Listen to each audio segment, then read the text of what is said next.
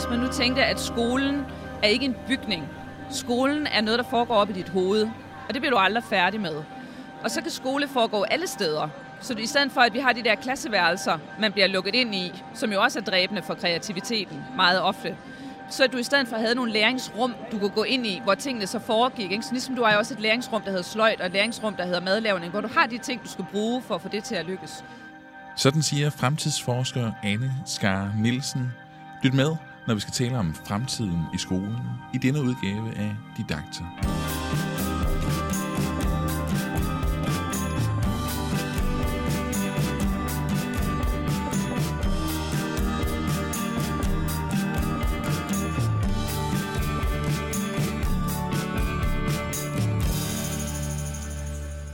Hvis skolen skal forberede eleverne på en tilværelse i fremtidens samfund, så er det måske meget fornuftigt at overveje, hvordan den fremtid kommer til at se ud. For meget tyder på, at de elever, vi har i skolen i dag, ikke kommer til at vokse op i en verden, der ligner den, som vi, der står på den anden side af katedret, har kendt til. Det er andre typer kompetencer, som fremtidens arbejdspladser eftersøger, og måske er vi nødt til at fokusere på en helt anden indretning af skolen og fagene for at forberede eleverne på fremtiden.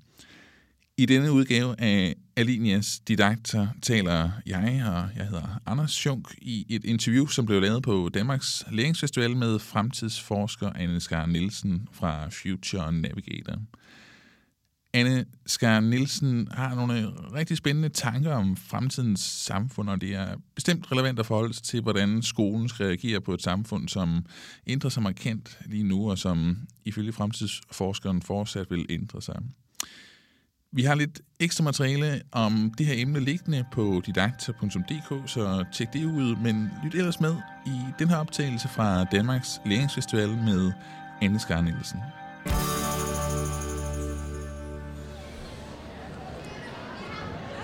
Vi, vi står her på Læringsfestival. Ja. Øh, hvordan ser fremtiden ud, når du går rundt og kigger ind på standene her? Som en tyrkisk bazar. ja. når man går rundt herude på Læringsfestivalen, der er jo larm, og der er farver, og der er ballader, og man, man bliver egentlig sådan, synes jeg, jeg synes, man bliver meget glad af at være her, fordi mm. at man kan jo se, at det her det er et område, hvor der er sjovt at være. Altså man kan også komme på rigtig mange andre messer, ikke? Hvis du kommer på en IT-messe, så har de jo alt muligt slik og skildpadder og biografbilletter, hvor de prøver at få trukket folk hen til deres stand. Ikke? Og de eneste, der er der, det er virkelig sådan nogen, der gerne vil sælge noget. Mm. Og her kan man jo se, jeg kan også se mange fa- familiære ansigter, som jeg har set i alle mulige andre sammenhænge, der render, der render rundt herude. Så, mm. så jeg vil synes, at, at man skal egentlig være rigtig, rigtig glad for, at man er inden for hele det her skoleuddannelsesområde, fordi det er et smørhul i verdenshistorien, man sidder i, hvor der kommer til at ske så mange fantastiske ting. Og som jeg sådan i nogle gange humoristisk i parentes bemærker, ikke? så tænker jeg, prøv at tænk, hvis du havde været revisor. Ja. det havde været svært. Altså selv, selv ikke revisorerne kan jo finde ud af at forklare mig, hvorfor der skal være revisorer i fremtiden. Så, øh, så gode lærere, gode pædagoger, skoleledere og folk og konsulenter osv., der, der er interesseret i det område, der hedder børn, unge, uddannelse, dagpleje osv. Ikke? Altså det bliver bare nogle rigtig, rigtig spændende år, som mm. vi kommer ind i nu. Og når vi arbejder med skolen, øh, både som øh, forlagsfolk og som øh, skolelærer, så er vi nødt til at forholde os til, hvad det er for en fremtid, vi ligesom skal uddanne eleverne til. Ja. Hvad er det for en fremtid? Jamen for det første vil jeg sige, at når man er fremtidsforsker, det er jo ikke nogen beskyttet titel. Så man må faktisk meget gerne kalde sig for lærer, skråstreg, fremtidsforsker. Vi vil jo meget gerne lære folk, hvordan man navigerer i fremtiden, og give dem et, et kørekort til fremtiden. Og det er vil jeg sige, bund og grund det med, at fremtiden efterhånden vælter så hurtigt ind over, så der er så mange forandringer, at hvis ikke man selv har en holdning til det, hvis ikke du selv griber det her ret, og har et ønske om at køre et sted hen, som du selv bestemmer, så får man det bare rigtig, rigtig svært i fremtiden. Altså du har garanteret også, ligesom jeg, hørt sådan et ældre ægtepar, hvor manden kigger på konen, og så siger han, kan jeg lide det der, lille mor? og så siger hun, nej, det kan du ikke lide. Ja. og det, det duer ikke. Altså vi er nødt til at have et indre kompas inde i os selv, hvor vi kan finde ud af, at hvad er rigtigt og forkert, hvad er op og ned, få noget mere ro på. Ikke? I stedet for, at vi jo, det virker jo nogle gange som om, at vi i det her dejlige land, vi bor i, har så travlt med at få livet overstået. Ikke? Så hurtigt som muligt fra vugge til krukke. Men jeg synes i bund og grund, at det er en gave, vi giver til vores børn og unge, at de får lov til at være børn, og de får lov til at tage det stille og roligt, og få lov til at slappe af. Altså helt ærligt, vi har også gjort stress og meditation til, til, til noget, man kan gå og have dårlig samvittighed over, at man ikke kan finde ud af, ikke? Mm. og som man også skal på kursus i. Så fremtiden inden for skole, vil jeg sige, meget høj grad handler om at ture og sætte sig ned og træde karakter i sin egen voksenhed, og sige, nu tror jeg lige, vi skal have en god samtale om, hvad er det egentlig, vi gerne vil? Hvad er det for en fremtid, vi gerne vil skabe? På samme måde som når du går ud i køkken, så går du også ud og skaber et måltid mad. Men det er jo ikke, fordi du bliver færdig med at lave mad. Det gør du måske bare i dag, men du bliver ved med at gøre det til din dages ende. Og så skal mm. vi også have det med fremtid. Det er ligesom at kunne lave mad. Og nogle gange så går det helt af helvede til, andre gange er det fantastisk. Men det, det er et håndværk og et redskab, som man skal kunne. Så det handler ikke om, at vi skal indrette skolen efter fremtiden, men vi skal mere øh, få, få skolen til at påvirke, hvordan fremtiden bliver? Ja, det ene udelukker ikke det andet. Øh, og det, det er jo også noget, vi skal vende os til at tænke. Ikke? Det er, at fremtiden er meget mere paradoxer, end det er enten eller. Jeg hører mange skoler, der snakker om øh, individ over for fællesskab, som om, at det er hinandens modsætninger, men det er det jo ikke, det er jo hinandens forudsætninger. Altså du kan jo kun være et frit individ, hvis du har et fællesskab, der understøtter det. Og omvendt, så er et fællesskab, hvor vi alle sammen skal være ens, er ikke sjovt. Så det med at kunne leve i de her paradoxer, det her med, at du både har nogle vilkår, du kigger ind i fremtiden, men så har du også friheden til selv at kunne skabe den. Det er også et paradoks. Det er ikke hinandens modsætninger, men det er hinandens forudsætninger. Mm. Nogle af de vilkår, for nu at svare konkret på dit spørgsmål. Nogle af de vilkår, som vi ved, altså de hårde trends, det vi kan være sikre på, det er, at de børn, der går i skole nu, de kommer til at leve rigtig længe. Der er jo nogen, der, der siger, at de har en uh, estimeret levealder på mellem 100 og 120 år. Allerede her ved vi jo så, okay, de kommer nok ikke til at gå på pension som 68-årige. Det vil jo være fjollet. Så måske man skulle tænke i, at det vi lærer dem i skolen, det bliver en form for ligesom at have lagt en god basis, en god bund for, at det kan du bruge resten af din tilværelse. At du så ikke lige kan sætte kommaer, eller at du ikke bliver særlig god til at læse, eller at du ikke var, du ved, den bedste i klassen til at øh, løse opgaver eller blive færdig til tiden. Jamen, det betyder ikke så meget, men det at du har en sund bund inde i dig selv, som du kan leve med resten af din tilværelse. Og det er jo også det, som man kalder for dannelse. Og vi siger, at dannelse handler om den person, som du er. Dannelse handler om de ting, som du egentlig ikke behøver at sætte på din livslange to-do-liste, fordi det er noget, du bare gør. Ligesom du børster tænder, eller jeg tager mig altid tid som mor med mine børn, når de har, når de har travlt. Men det er ikke noget, jeg sætter på min to-do-liste. Det er jo det, jeg er, så jeg ser det ikke som et stressmoment. Hmm. På den anden side, så har jeg lige glemt min egen mors fødselsdag i går. det er enormt dårlig samvittighed, ikke? Og så sidder jeg og tænker på, at det er faktisk i høj grad uddannet af mig, at jeg er virkelig sådan en type, der altid glemmer den der slags ting. Hmm. Så jeg tror, at det der dannelse bliver enormt vigtigt for vores børn, til ligesom at de finder ud af, at jeg er her. Det er min egen værdighed, det er min måde at være på, tænke på paven, ikke? paven i, i Italien har sagt, at, øh, eller undskyld for den katolske kirke, har jo sagt, at man burde sætte konfliktløsning på skoleskemaet, at sætte fred på skoleskemaet. Og det tror jeg er super vigtigt for vores børn, fordi at kompleksitet er også et vilkår. Altså det lange liv er et vilkår, kompleksitet er et vilkår. De gode spørgsmål bliver meget mere interessante end at komme med alle svarene det at kunne være god til at opsøge irritation og tolerere andre mennesker, har lige så meget lov til at være her, selvom de hedder Trump til efternavn. Hmm. At man ligesom kan rumme, at folk er meget forskellige, men også at du kan blive vred det synes jeg også er en rigtig vigtig del af det at lære som barn. Det er, at det at være dannet menneske er ikke at være sød og rar og pæn og ret ind efter reglerne. Vi kalder det også at gå fra pedeller til rebeller. Det at du har et værdisæt, som du faktisk er, er villig til at kæmpe for, som du er villig til at få skæld ud for. Hvis der er nogle dumme regler, du bliver mødt med, som, ikke, som du synes, at det, her, det, det kvæler jo enhver form for kreativitet og virkeløst, at man så er villig til at gøre oprør imod det. Hmm. Så, så når man arbejder med fremtid, så er altid til udgangspunkt i det, hvor vi siger, det ved vi med sikkerhed. Ikke? Hmm. Leve i lang tid, okay, jeg vil godt komme med en forudsigelse, som er, at øh, vores børn kommer ikke til at gå på pension. De kommer til at kunne holde pauser igennem tilværelsen. Jeg vil skyde på, inden for de, nu er vi 2017, men inden for de næste 4-5 år, der vil der være pensionsselskaber i Danmark, der giver dig et tilbud om, at du kan slå din pension til og fra gennem, gennem dit liv. Så du behøver ikke at skynde dig. Du behøver ikke at have det der med, nu skal du vælge rigtigt, for ellers brænder du i helvede. Hmm. Men i stedet for, nej, du skal være dygtig til det, du laver nu.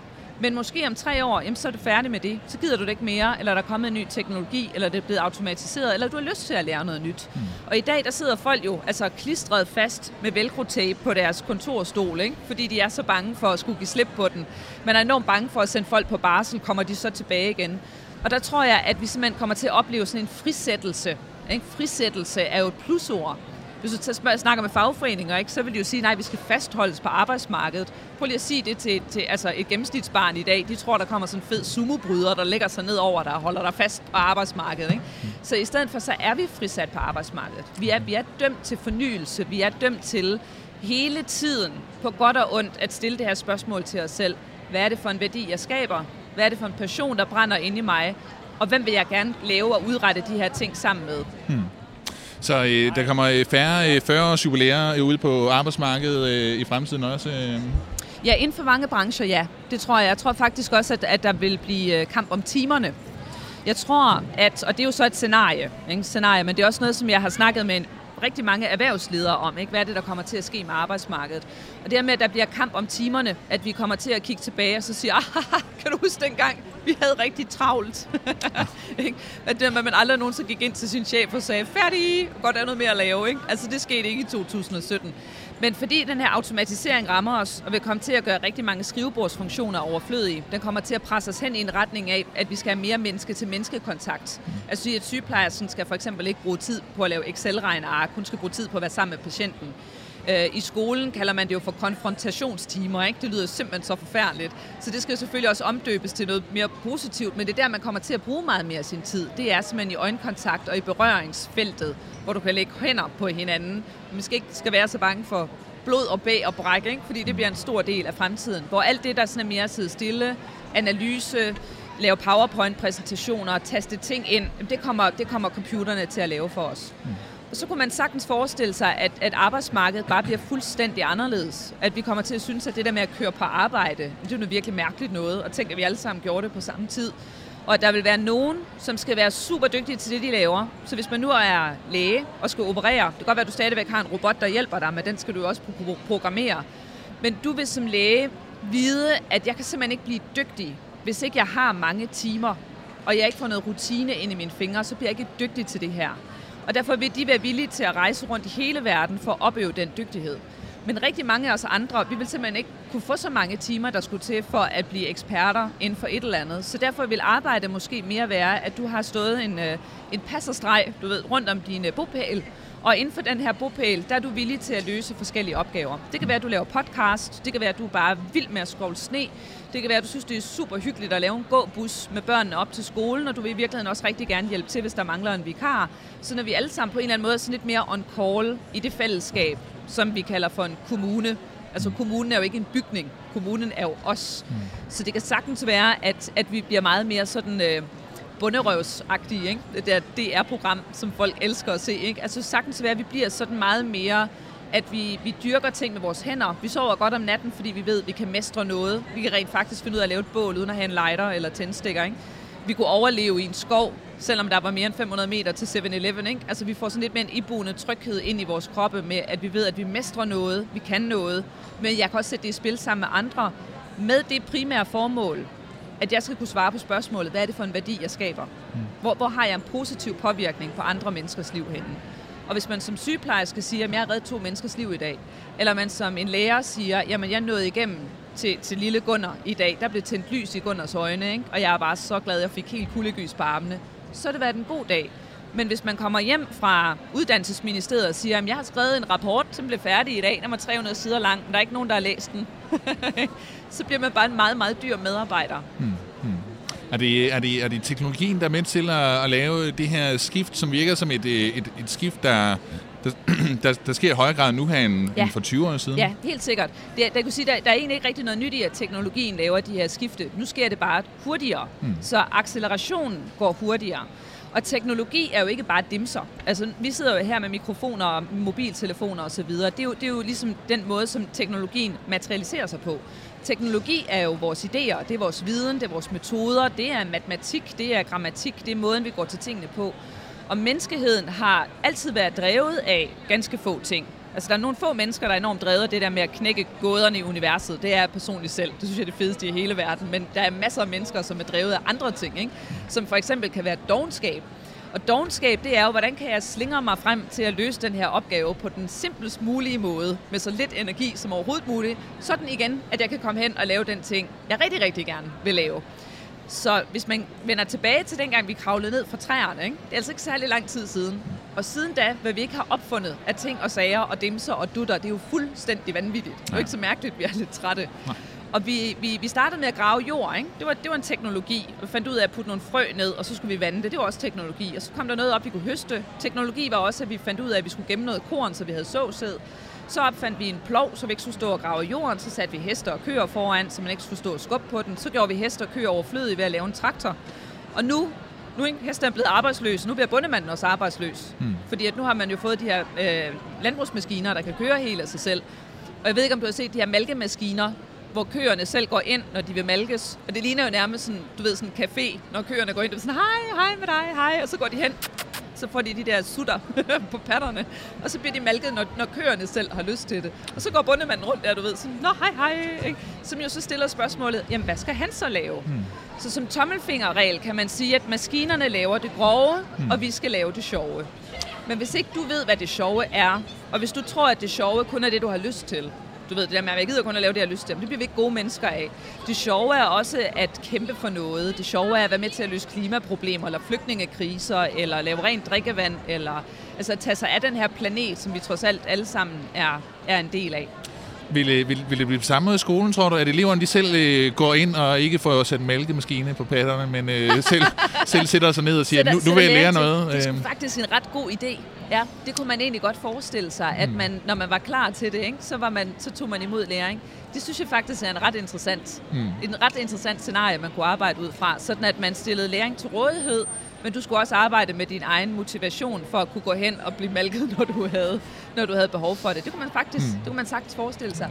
Men jeg vil også som fremtidsforsker vil jeg sige, at jeg vil ikke komme med svar og løsninger. Altså jeg vil ikke komme, jeg tror ikke på, at der er en one size fits all. Med min, altså de oplevelser, jeg har haft af at være rundt på skoler i Danmark og snakket med lærere, skolelærer, pædagoger, og været i børnehaver og gået rundt og været antropolog. Jeg er altså verdens mest nysgerrige menneske, og det er så dejligt. Ikke? Det er, der er ikke andet end håb for denne verden. Altså, der, der er så mange super dygtige mennesker derude.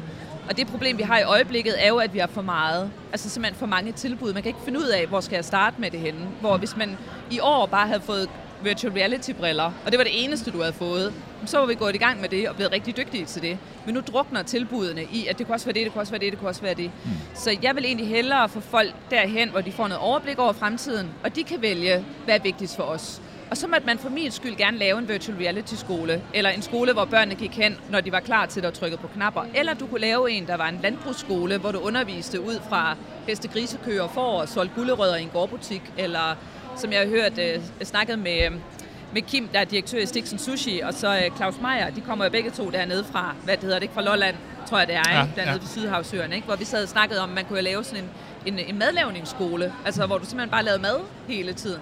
Men det kræver så igen også, at vi får lavet om på fagrækkerne, sådan at man ikke skal gå til eksamen i fortidens fag, dansk og matematik og engelsk osv. Ikke fordi man ikke skal lære det nødvendigvis, men fordi at vi skal også ligesom lave den der mulighed for, at man kan sammensætte det, der er relevant og rigtigt, og, og skaber noget passion i det enkelte menneske, uden at man så, du ved, vi alle sammen ligesom skal eksamineres på den samme måde i den samme ting, ikke? Fordi så er det jo igen at sige, det er ligesom at sige, at du har maratonløber og en svømmepige og en stangspringer, ikke? og så skal de løbe på tid, jamen, så ved vi jo godt, at maratonløberen han vinder. Ikke? Så der er også nødt til at være noget, noget mere individuelt præget eksamen, sådan at, man, ja, at vi får det ud af det, som vi gerne vil. Hmm.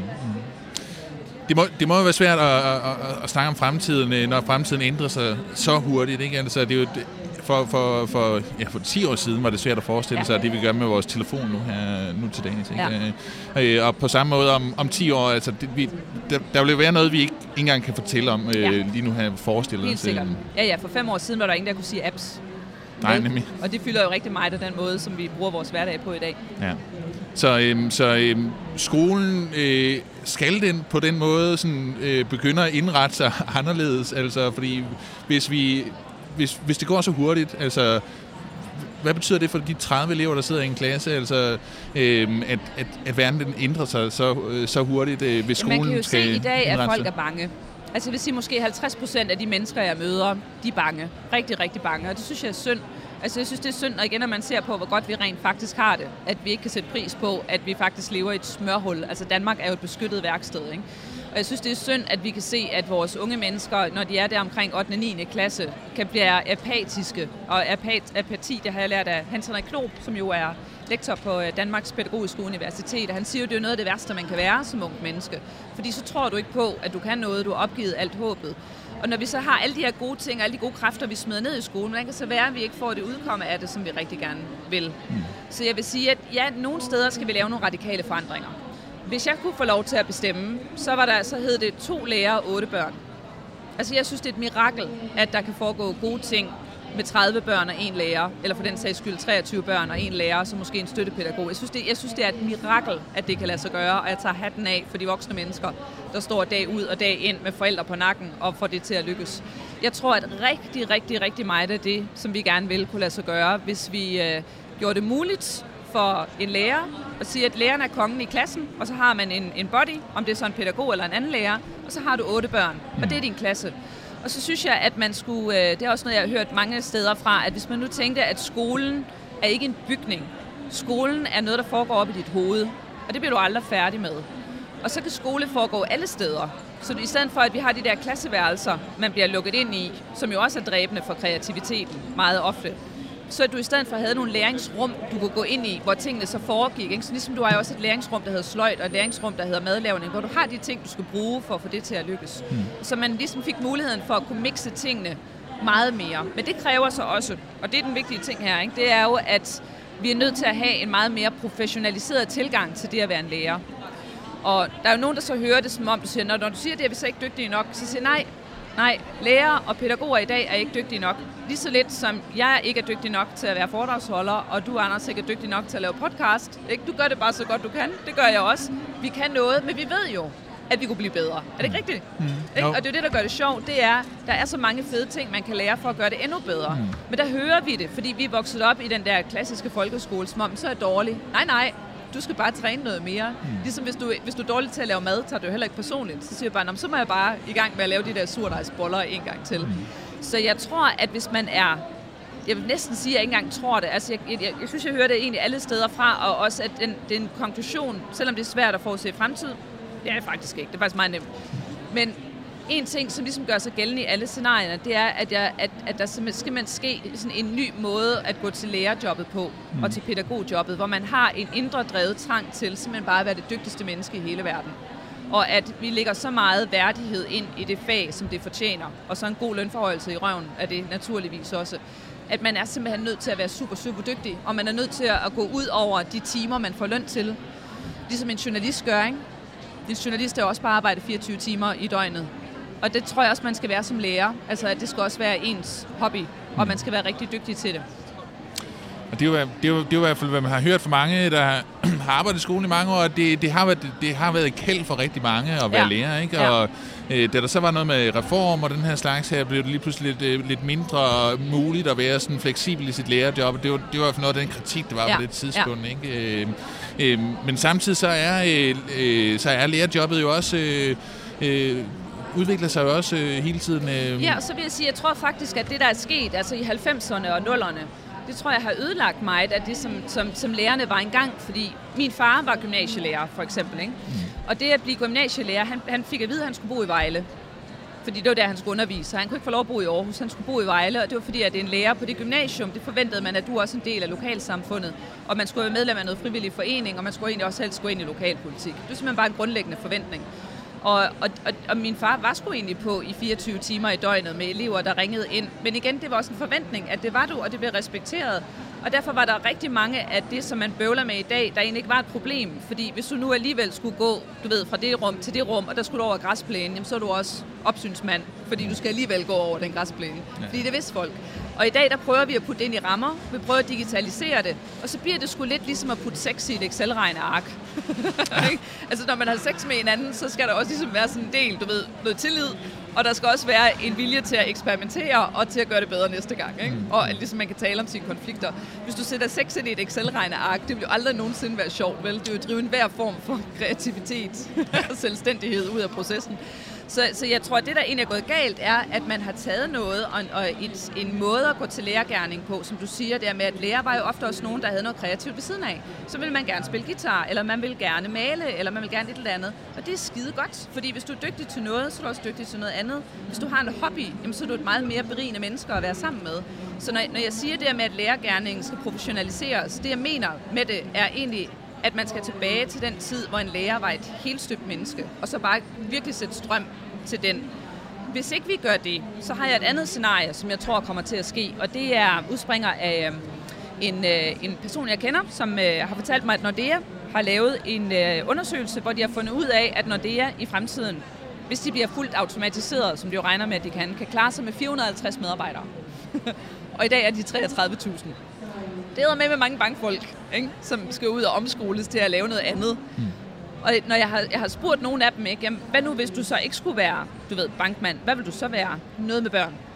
Noget med børn. Mm. Og egentlig helst i Afrika, siger de så ikke, men noget med børn. Okay, okay betyder det så, at, at du ved, hele det blå Danmark, lige om lidt, fordi deres jobs de bliver automatiseret og finder ud af, at det fedeste job i hele Danmark, det er jo i virkeligheden at undervise børn, og, og du ved, være den professionelle lærer, så kommer der til at ske en etnisk udrensning af den type af lærer, vi har haft indtil videre. Det er jeg egentlig ikke sikker på. Jeg er ikke sikker på, at det er godt. Altså, jeg, jeg tror, at, at, at vi vil få mange af de ting, hvis de blå slipsemænd og kvinder, de kommer ind i skolesystemet, ikke? så vil der med at blive strammet op, og der vil med at blive fundraising og professionalisere alt det der. Ikke?